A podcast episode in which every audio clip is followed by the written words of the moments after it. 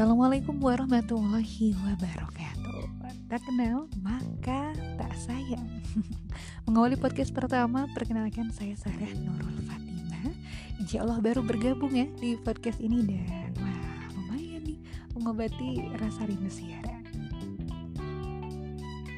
Sahabat semua tahu gak sih buah lemon? Hmm, kira-kira apa ya yang paling terbayang dari buah lemon?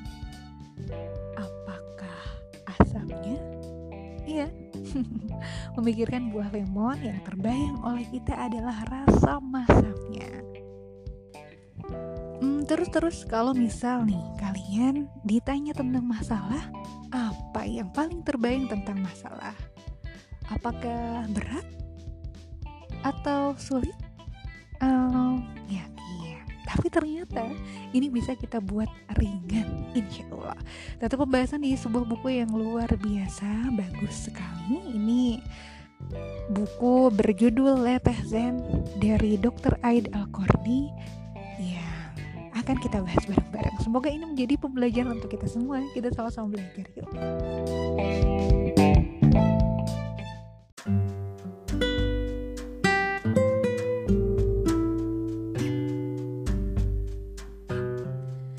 satu bagian tulisan dari Dr. Aid Al-Korni dengan judul Jadikan buah lemon itu minuman yang manis. Sahabat semua, orang cerdik akan berusaha merubah kerugian menjadi keuntungan. Sedangkan orang bodoh akan membuat suatu musibah menjadi bertumpuk dan berlipat ganda. Ketika Rasulullah Shallallahu Alaihi Wasallam diusir dari Mekah, Beliau memutuskan untuk menetap di Madinah dan kemudian berhasil membangunnya menjadi sebuah negara yang sangat akrab di telinga dan di mata sejarah. Kemudian Ahmad Ibnu Hambal ini pernah dipenjara dan dihukum derah, tetapi karenanya pula ia kemudian menjadi imam salah satu mazhab. Ibnu Taimiyah pernah dipenjara juga, tetapi justru di penjara itulah ia banyak melahirkan karya. Malik Ibnu Ar-Raid adalah penderita suatu penyakit yang mematikan. Namun, ia mampu melahirkan syair-syair yang sangat indah dan tak kalah dengan karya-karya para penyair besar zaman Abbasiyah. Lalu, ketika semua anak Abi Zuaif Al-Huzali mati meninggalkannya seorang diri, ia justru mampu menciptakan nyanyian-nyanyian puitis yang mampu membekam mulut zaman, membuat setiap pendengarnya tersihir, memaksa sejarah untuk selalu bertepuk tangan saat mendengarkannya kembali. Begitulah ketika tertimpa suatu musibah, maka kita harus melihat sisi yang paling terang darinya. Ketika mungkin seseorang memberi Anda segelas air lemon maka kita tentu bisa menambah sesendok gula ke dalamnya. Atau mungkin ketika kita mendapat hadiah seekor ular dari orang, maka kita bisa mengambil saja kulitnya yang mahal dan tinggalkan bagian tubuhnya yang lain.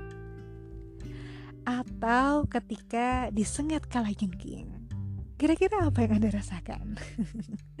Maka ketika disengat kala jengking, ketahuilah bahwa sengatan itu sebenarnya tengah memberikan kekebalan pada tubuh kita dari bahaya bisa ular. Firman Allah Subhanahu wa taala dalam Al-Qur'an surat Al-Baqarah ayat 216 yang artinya boleh jadi kamu membenci sesuatu padahal ia amat baik bagimu. Hal menarik lainnya adalah sebelum terjadi revolusi besar di Prancis, konon negara itu yang pernah memenjara dua sastrawan terkenalnya, salah seorang dari keduanya ini sangat optimistis dan yang seorang lagi ini sangat pesimistis bahwa revolusi dan perubahan akan segera terjadi. Sahabat semua percaya tidak? Setiap hari ini keduanya sama-sama menengok atau mengeluarkan kepalanya melalui sela-sela jeruji penjara. Hanya saja, perbedaannya, sang sastrawan yang optimis ini selalu memandang ke atas dan melihat bintang-bintang yang gemerlap. Dan karena ia selalu tersenyum cerah, Adapun sastrawan yang pesimis, ia selalu melihat ke arah bawah dan hanya melihat tanah hitam di depan penjara dan kemudian ia selalu menangis sedih. Begitulah dengan setiap masalah yang kita hadapi, tinggal kita pilih apakah kita akan melihatnya dari sisi kebaikan atau kita akan melihat dari sisi keburukannya. Sebab belum tentu semua masalah ini menyedihkan. Kita harus yakin bahwa pasti ada kebaikan, ada secerca harapan, serta ada jalan keluar serta pahala untuk kita.